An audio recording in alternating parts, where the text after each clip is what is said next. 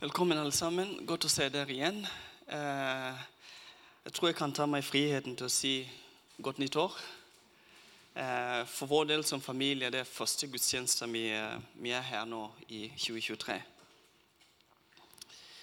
Um, I fjor så hadde vi tema 'Et liv i tro'. Og jeg tror at vi, vi blir nok ikke helt ferdige med, med det temaet. Eh, fordi at det Gud har kalt oss, har kalt oss, har kalt oss til, det er egentlig et liv i tro. Eh, så, så, vi blir egentlig aldri kvitt eh, det temaet. Men jeg tenker at dagen i dag Jeg skal bruke det på å dele litt om forbilder i Bibelen. Og jeg håper at vi alle skal kunne se eller bli inspirert eh,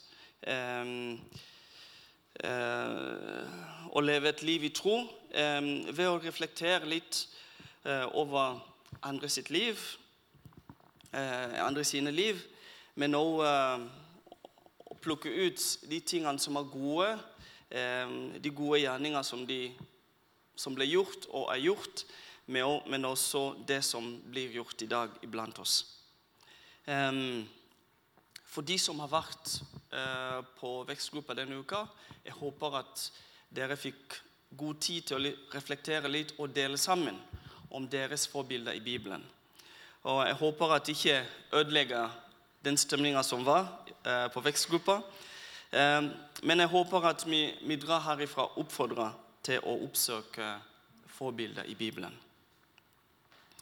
I adventstiden i fjor så var, jeg, var vi, eh, vi innom eh, misjonssalen med Ann-Katrina. Eh, vi var der ganske kort, egentlig. Eh, kanskje en halvtime, noe sånt, pluss-minus. Og der, i de 30 minuttene, var det en liten andakt som ble holdt av en ungdomsarbeider. og den satt i meg. For det hun delte, var Josef som den helten som ofte glemmes. Eh, og prøvde å opplyse hvem Josef var, og, eh, og, eh, og hans situasjon. Og jeg klarte ikke helt å gi slipp av talen. Jeg tenkte veldig på hvilke kvaliteter Josef hadde som gjorde at Gud valgte han. Og jeg tenkte Hvis Gud hadde måttet velge en kristen i dag i vår tid, hvilken type kristen hadde han valgt til det kallet som han ga Josef? Um, og Gud snakker med uh, Maria gjennom engler og snakker med Josef gjennom drømmer. Uh, og så tenker jeg i vår hverdag i dag hadde Gud brukt samme veien inn til oss. Um, så tenk over det sjøl. Åssen hadde Gud snakket med deg? Jeg vet at han hadde ikke brukt en drøm hvis han skulle snakke med meg. Fordi at For mange år siden, så, eh, litt etter at jeg hadde gitt mitt liv til Jesus, så, så sa jeg til han, jeg vil ikke at du skal snakke med meg gjennom drømmer. Jeg klarer det ikke. Jeg klarer ikke å skille mellom hva som er Gud, hva som ikke er Gud. Og da har jeg sagt til han du får bare finne en annen måte å snakke med meg på. Og jeg vet at han snakker med meg på andre måter enn en akkurat drømmer. Men, men, jeg tenker for, de, for, din egen skyld Hvordan tror du at Gud hadde snakket med deg hvis han skulle gi deg en direkte beskjed i dag, sånn som han gjorde for Josef den gangen? Og Den type refleksjon gikk gjennom meg gjennom hele romjula. Og, så i den refleksjonen så prøvde jeg å, å, å lære så mye jeg kunne av eh, Josef og hans situasjon. Jeg prøvde å reflektere over hvordan Gud griper inn i, eh, i hans sitt liv, og kanskje i menneskets uh, fortvilelse, hvis man kan si det sånn. Eh, jeg prøvde å tenke gjennom hvordan jeg ville reagert i situasjonen og i hans situasjon. Og selv om det er litt vanskelig sett med etterpåklokskapen, ikke fordi at når han opplevde det, så var det ingenting som var skrevet ned om hvordan andre hadde opplevd det. I dag så har vi den vi er heldige at vi kan lese litt og vet litt om hvordan Gud gjør ting. Um, men jeg prøvde i hvert fall å tenke meg, uh, basert på det som jeg kjenner om meg sjøl, hvordan jeg hadde reagert i hans situasjon. Og så prøvde jeg å finne inspirasjon eh, i måten han, han, var, han var, i måten han var, både eh, som menneske, altså menneskelig, men også åndelig. Altså, han var faktisk eh, ganske på. Um, og jeg, jeg, klarer ikke, jeg klarer ikke å, å, um, uh, å liksom beskrive åssen han var, men, men, jeg ser at når jeg leser Skriften, så var han ganske eh, opptatt av Gud og, og, av å lytte til Gud og følge det Gud hadde lagt på hans hjerte. Så han var veldig åndelig skrudd på. Så overgangen fra den refleksjonen til talen min i dag er veldig naturlig når jeg tenker på, eh, med tanke på eh, forbilder i, i, Bibelen.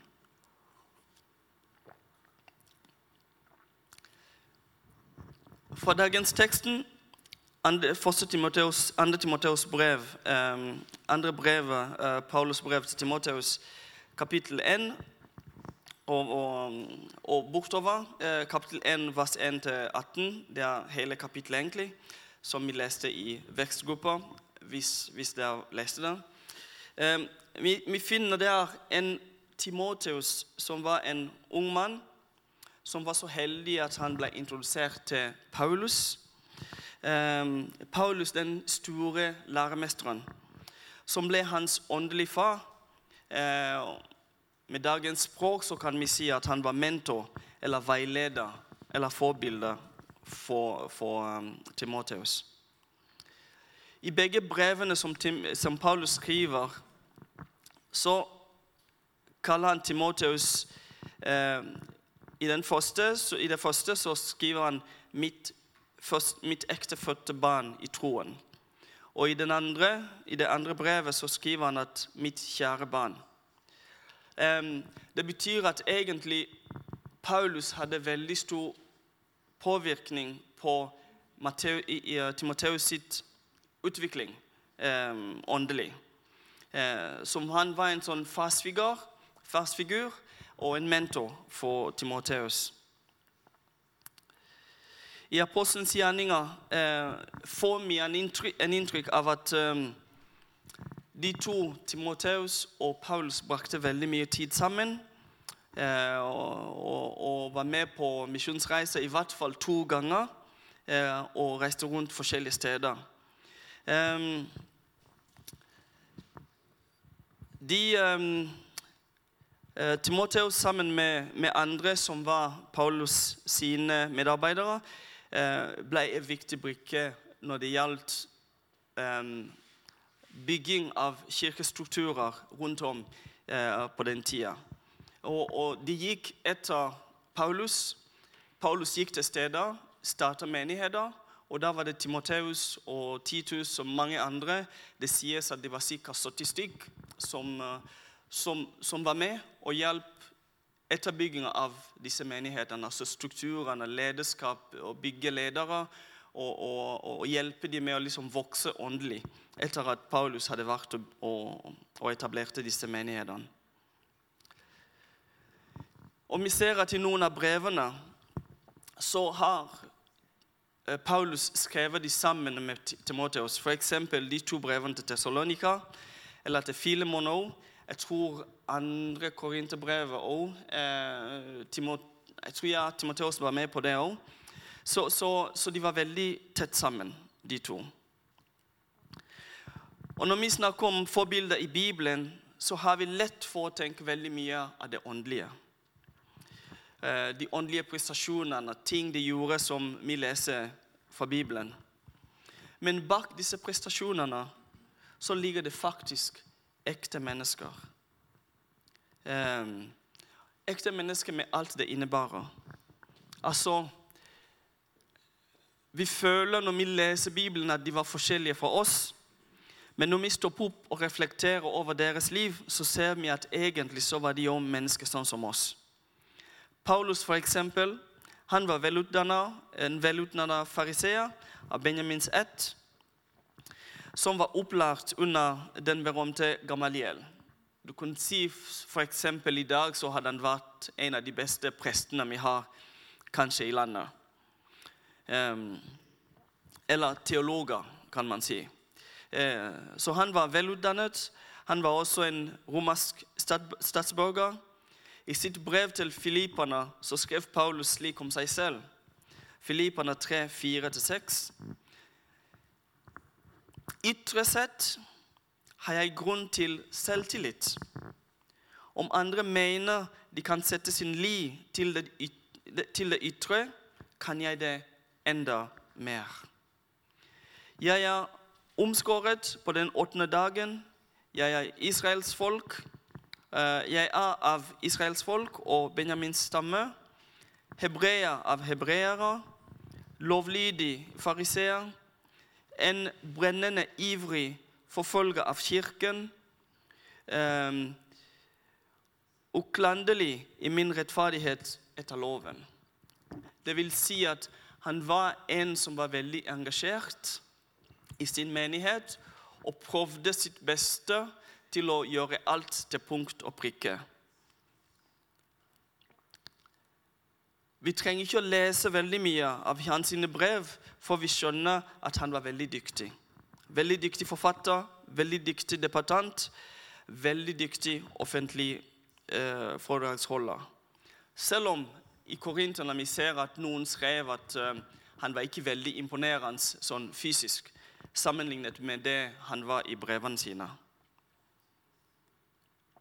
Og Det spekuleres at kanskje han var, hadde litt sånn dårlig syn. Det er et sted i Bibelen hvor han sier at hvis hans venner kunne så ville de kunne gitt han sine, sine øyne. Så det spekuleres i at kanskje han var svaksynt. Men så har vi den åndelige biten at Paulus ble Kristi apostel og reiste veldig mye. Han spredde, evangel spredde evangeliet eh, og etablerte kirke etter kirke etter kirke. Han ble en misjonær for hedningene. Det vil si at eh, for oss som er kristne i dag, det hadde vært enda vanskeligere å bli kristen hvis ikke Paulus hadde tatt på seg det kallet som Gud hadde gitt ham. Han banet vei for mange av oss, eller for oss. Men han beholdt allikevel sin kjærlighet til sine brødre, jødene. Han var en åndelig lederen. Han var den åndelige lederen for mange eh, fjerntliggende kirker. Han trente pastorer og eldste til å, til å føre tilsyn på disse kirkene eller menighetene rundt om. Han skrev mye av Det nye testamentet og ga oss grunnleggende doktriner og lære. Han hadde overbevisende nådegaver. Altså han, helbred, han hadde helbredelse og tungetaler og mange sånne ting. Det sies, eller det står i Skriften at hans skygge kunne bare gå forbi folk, og de kunne bli helbredet. Så han var veldig begava. Men til slutt så led, led han eh, martyrdød. Bak alt dette, det gode, det sterke, så lå det et vanlig menneske. Med alle sine svakheter og alle, alle sine styrker. Når det gjelder svakheter spesielt, så er Paulus kjent for å ha et temperament. En, et temperament. Han er også kjent for å være en veldig stolt person. Han slet noen ganger, mange ganger fortsatt, egentlig, med stoltheten og hadde en varm temperament. Han sier, at, uh, han sier selv, han skriver at Gud sendte en, to, en tårn i hans liv for å holde han ydmyk. Han var ikke fremmed for konflikt. Um, ikke bare for mennesker ellers, men også inn i, i, um, i, tjenesten. På den andre misjonsreise ønsket Barnabas at Markus skulle, skulle, være med. men Paulus var uenig pga. en feil som Markus hadde tidligere gjort. Og Barnabas han egentlig hadde, hadde rett, fordi at når vi ser i ettertid, så ble Markus en veldig viktig misjonær. Paulus eh, ble også sint på eh, en tjenestejente som, som var hun hadde en ånd som, som, gjorde at hun gikk rundt og, og, og, forklarte for folk at Paulus og hans venner var medarbeidere for Gud. Og Paulus ble så sint at han kasta ut uh, den ånden ut av denne jenta. Og det førte, til, det førte til at de ble lagt inn i fengselet. Uh, Apostels gjerninger uh, kapittel 16 står det. Og han ville ikke forlate fengselet når han ble satt inn. Etterpå, når de ble sluppet fri, så sier han nei, jeg skal ikke ut av fengselet for å få unnskyldninger. En unnskyld, uh, unnskyldning fra myndighetene. Så stolt var han. Han var veldig sta. Og han var veldig um, Det står at Gud har ikke respekt for personer. Men jeg tror at Paulus var en av de personene som ikke hadde respekt for noen. For han òg uh, sa imot um, ypperstepresten. Hvis han mente noe annet enn en det ypperstepresten mente, så sa han imot med en gang. Så han var en veldig stort og sterk figur. Og um, med, med, sitt temperament var ofte um, Han hadde mye konflikt rundt seg. Det står til og med at um, det er plasser hvor mennesker gikk vekk fra han. De kunne ikke jobbe sammen, arbeide sammen med han. Men han har også styrke. Eh, han var veldig helhjerta. Når han valgte en kurs, så var det 100% Det var ikke noe sånn halvveis uh, middelmodig uh, jobb hos han. Uh, hvis han valgte noe, så var han 100% med. Når han valgte å forfølge kristen, den menigheten, første menigheten, så gjorde han det med alle sin, sitt hjerte. Alt sin hjerte, sitt hjerte. og samme han gjorde når, når han ble kristen, eller når han omvendte seg og begynte å følge Jesus, da gikk han 100% ut og forkynte evangeliet. Og eh, Han skriver til Filippene i kapittel 3, vers 13, så skrev han at mine søsken, jeg tror ikke om meg selv at jeg har grepet det. Men en ting jeg gjør, en ting gjør jeg. Jeg glemmer det som ligger bak, og strekker meg etter det som ligger foran. Så han var veldig flink til å legge bak seg ting, og så strekke seg 100% på det han satser på. Og så hadde han, hadde han en sånn utholdenhet som er vanskelig å beskrive. Vanskelig å skjønne. Um, hvis noen av oss har noen gang opplevd å, være, å bli forfulgt, så kan ikke vi sammenligne oss med det Paulus opplevde. Det var nesten urettferdig at han fikk så mye. Men han òg hadde utholdenhet. Han kom gjennom alt det der uten å klage. Han ble piska, ble hivd i fengsel, ble uh, torturert. Um, alt mulig fikk han oppleve. Og til og med motstand innad i menigheten fikk han fra andre kristne. Allikevel så hadde han utholdenhet til å leve gjennom det. Og han holdt ut helt til siste slutt. Hvis Vi ser på frimodigheten som Paulus hadde. Ekstrem. Um, han var rutinemessig dristig for evangeliet. Og som han skrev Roma, til romerne 1,16, så skriver han Jeg skammer meg ikke over Kristi evangelium, for det er Guds kraft. Og skriver han videre. For han, evangeliet, var Guds kraft.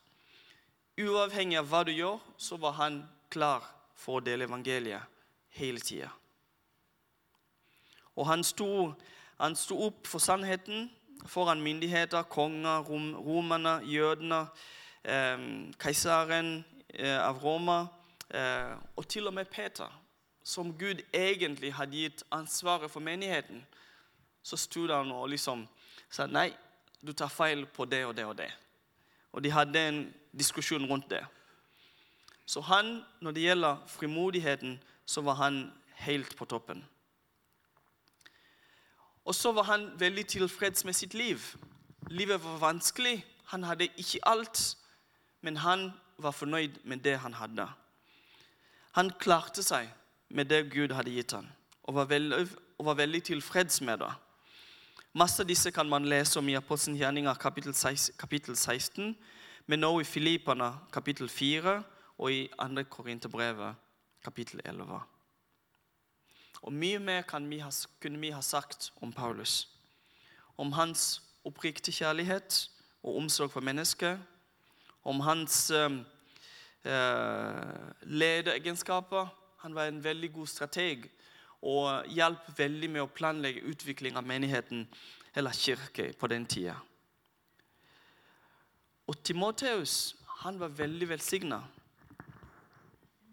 å være den som satt veldig nærme den store stjernen, den store veilederen og forbildet Paulus.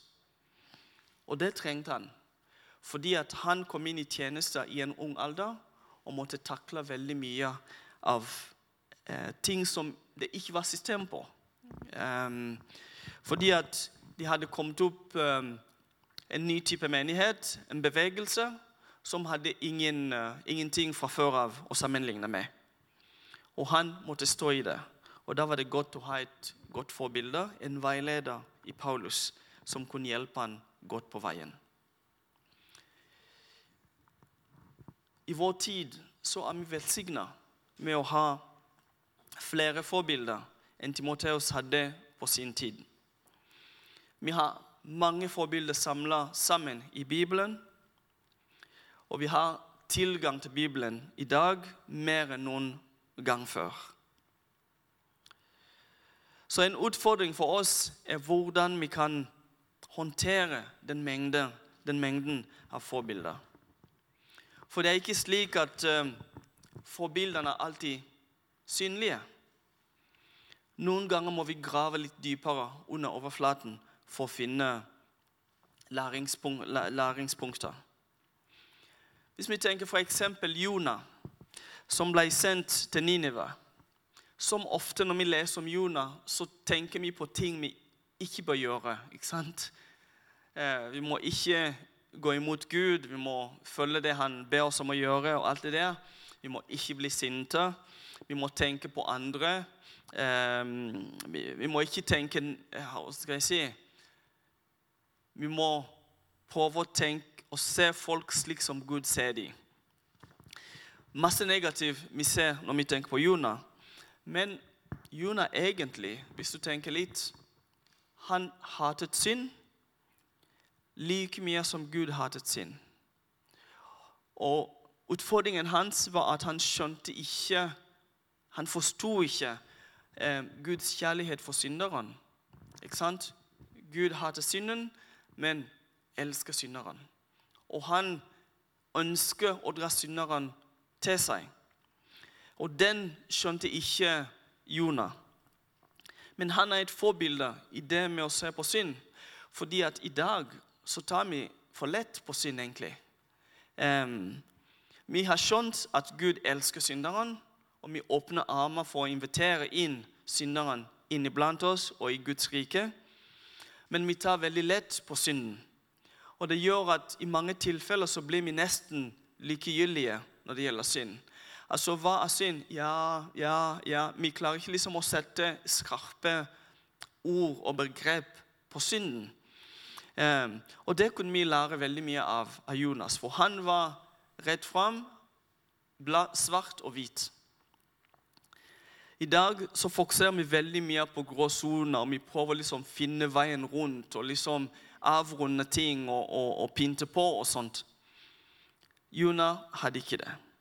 Han var sint på Gud fordi at han skjønte ikke den delen av kjærligheten for synderen, selv om det hates, eh, eh, synd er problemet.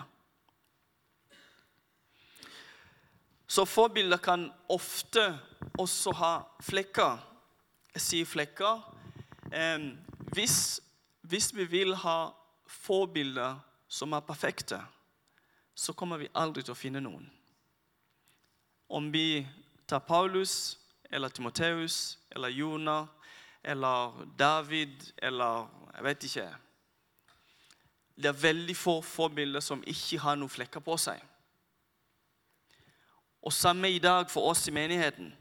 Hvis man går rundt og venter på at, at um, forbilder iblant oss skal være perfekte mennesker, det finner man ikke. Det finner man ikke. Vi er vanlige mennesker som Gud har vist nåde.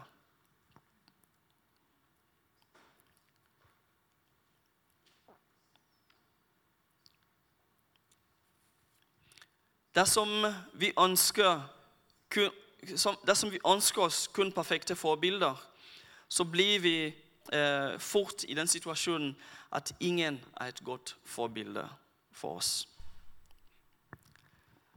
David, David han ble kalt mannen etter Guds hjerte. Men vi vet, vi vet at han syndet og ble straffet av Gud selv. Kan han da være et forbilde for oss? Ja, sier jeg. Det kan han. For vi kan lære veldig mye av han når det gjelder dette med å omvende seg. Han var veldig flink til å liksom komme dit at han skjønner at han har gjort feil, og så snur han 100% tilbake mot Gud. Han var veldig flink til å finne veien tilbake til Gud. Og Så har vi andre forbilder i Bibelen som uh, det er for lite informasjon om, uh, men som, uh, som, som, vi kan få tak i litt av um, hvis vi bruker litt tid for å grave oss litt inn i det. Vi kan lete litt i historieboka. Vi får litt sånn glimt av, av, hvem de er, og hva vi kan lære dem. Og Jeg vil gjerne trekke fram kun tre stykk i dag. Tre kvinner. Tabita, jeg vet ikke om dere har hørt om henne, men hun var en uh, håndverker. håndverker en, en, håndverker som, uh, som ble berømt for fine klær som hun lagde. Hun lagde kjoler og drakt. Uh, og, veldig, og, var veldig viktig og hadde et veldig godt, sterkt bidrag i givertjenester. Givertjenester og, og hadde et vitnesbyrd som gjorde at flere kom til Jesus. Hun, det skrives i Apostelens gjerninger 9, 36-42 at Tabita var rik på gode gjerninger, og spesielt omtenksom eh, over dem som, som, trengte hjelp.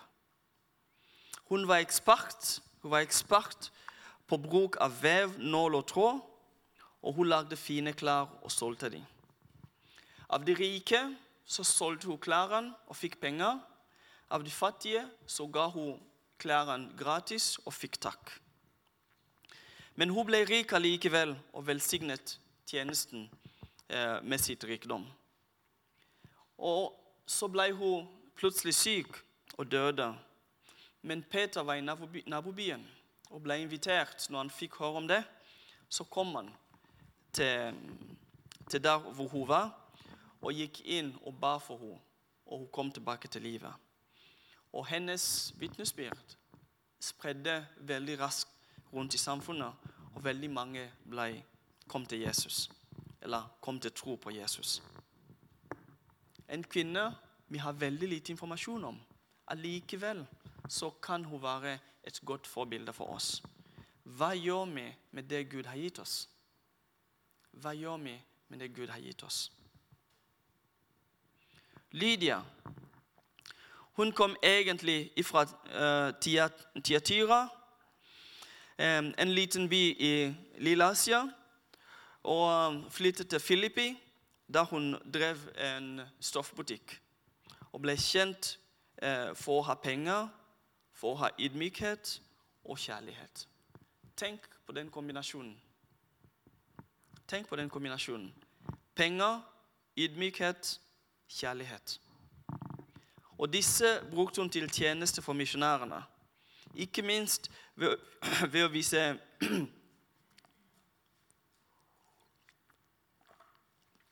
ved å vise gjestfrihet mot dem som forkynte og underviste ordet. Veldig mange som kom til Filippi, bodde hos henne og to- tok seg av dem. Sikret at de hadde mat og alt de trengte til arbeidet sitt. Et veldig godt forbilde for oss i dag. I hennes stillhet så klarte hun å være et viktig brikke i utviklingen av menigheten i byen Filippi. Og så har vi Priscilla. Hun ble kjent for sitt tro, tros, um, troskap i ekteskapet, til tross for ytre påkjenninger med mye flytting. Det gikk fra by til by til by til by, eller sted til sted. Uh, og hun la det, uh, det praktisk til rette for misjonærene, uh, og hadde et våkent øye for forkynnelse. Hun var ikke den som eh, eh, gapte veldig høyt, men når hun kjente på at noen hadde feil lærer, så dro hun de til sides og lærte de opp i den riktige lære for at forkynnelsen skulle være riktig. Og hun og mannen jobber sammen på dette. En viktig brikke i forkynnelsen på den tida. Og menigheten eh, utviklet seg i riktig retning. Tenk på Apollos, som ble kjent som en stor ta, eh, forkynner. De tok han til sides når de så at eh, han, hans forkynnelse var litt sånn ikke helt i mål. De tok han til sides, inn til seg, hjemme hos seg, og lærte han det riktige. Og jeg må si at du skal være nokså god og trygg på deg sjøl hvis du skal ta til sides en predikant og prøve å irettesette dem. Du skal være skikkelig god hvis du klarer det. Og det gjorde hun med Apollos. Et skikkelig stort og sterkt forbilde for oss. Og Sånn sett så har vi nok av forbilder iblant oss her. Om det er i menigheten, eller i byen, eller i, i, land, på, i landet. Vi har mange forbilder iblant oss som vi kanskje ikke ser eller eh, er åpne for å benytte oss av. Fordi at alle oss som sitter her i dag, kan være forbilder. Om vi vet det, eller om vi ikke vet det, spiller ingen rolle. Vi kan være forbilder for hverandre. Men der hvor vi være våken, der må vi være våken. Der må vi kunne se forbi fasaden. Der, hvor der må vi kunne dykke dypere inn i våre liv og i andre sitt liv. Være interessert i å se mennesket bak den fasaden som vises.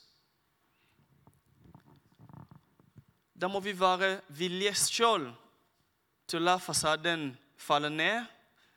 Åpne den gardinen som vi er veldig flinke til å holde. Eh, og Nils sier vi kan replikkene, så vi må være flinkere til å, til å liksom gå forbi de replikkene. Altså, åssen går det? Det går veldig bra. Godt nytt år, godt nytt år. Ja, ja, ja.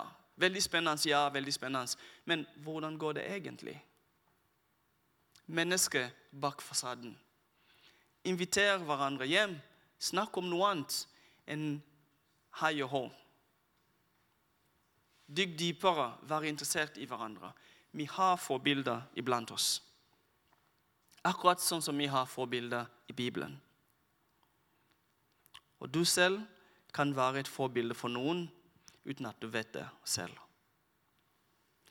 Det står i Hebreerne 12, vers 1, at derfor, når vi, når vi har så stor, så stor en sky av vitner omkring oss, så la oss alt, la oss legge av alt som tynger, og synden som så lett fanger oss inn, og med utholdenhet fullføre det løpet som ligger foran oss.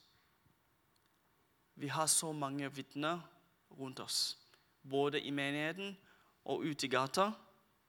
La oss la være å bære med oss for mye bagasje av det som tynger, og heller fokusere på å fullføre det Gud har lagt foran oss.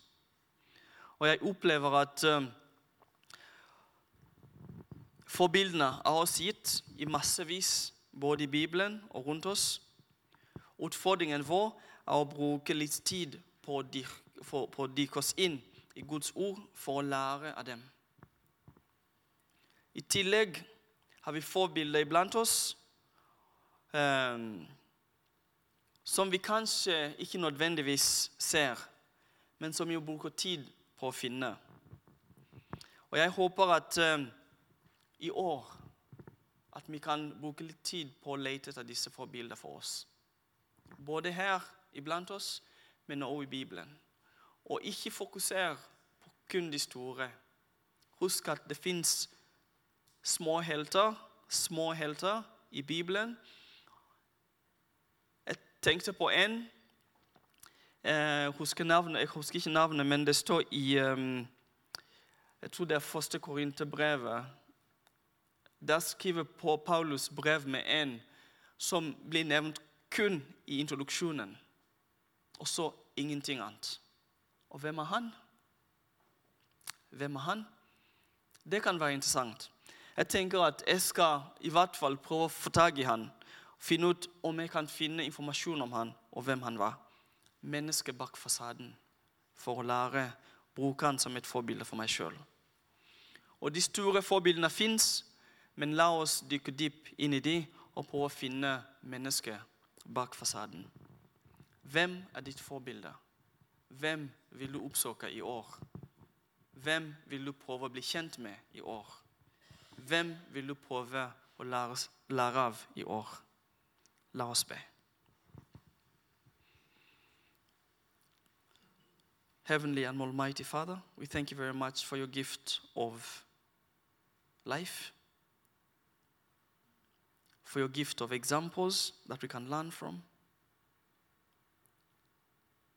for your gift of the Bible, your word, through which we can see your works and understand who you are. I commit especially this year into your hands and pray that, Lord, it may be a year when we rise up. May it be a year when we grow.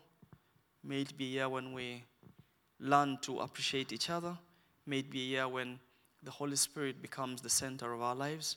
May it be the year when we remember you being at the top of our lives. Lord, may it be the year when we overcome the sins that so easily draw us down. May it be the year when truth will be very important to us. May it be the year, Lord, when we grow in strength. May it be the year, Lord, when we, when we are, where we see you calling us to new heights and new ways. And I pray, Lord, that you forgive us our sins, that you cleanse us from our unrighteousness and that you lead us in a new direction. That, Lord, you mend the sores in our hearts. That, Lord, you heal the pain in us. That, Lord, you transform us and renew us. Holy Spirit, come and reign in our lives. Holy Spirit, come and reign in our lives. In Jesus' name, amen.